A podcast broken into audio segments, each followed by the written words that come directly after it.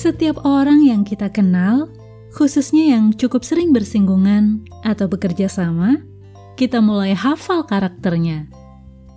Dari yang telatan atau sering terlambat, atau yang disiplin, dari yang bicaranya sembarangan atau yang sopan, dari yang hobinya makan sampai yang picky eater, dan lain sebagainya.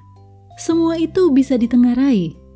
Sampai-sampai kita pun punya filter tersendiri yang memilah orang-orang dengan tipe kepribadian seperti apa yang cocok dengan kita, di mana kita bisa nyaman bekerja sama atau sekadar berteman. Meski nggak semua yang kita ingini selalu tergapai. Ada orang-orang yang ingin kita berkawan dengannya, namun tidak dengan sebaliknya.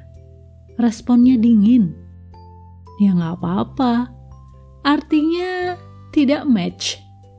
Bisa jadi kita bukanlah orang yang diharapkan atau sesuai dengan karakter mereka.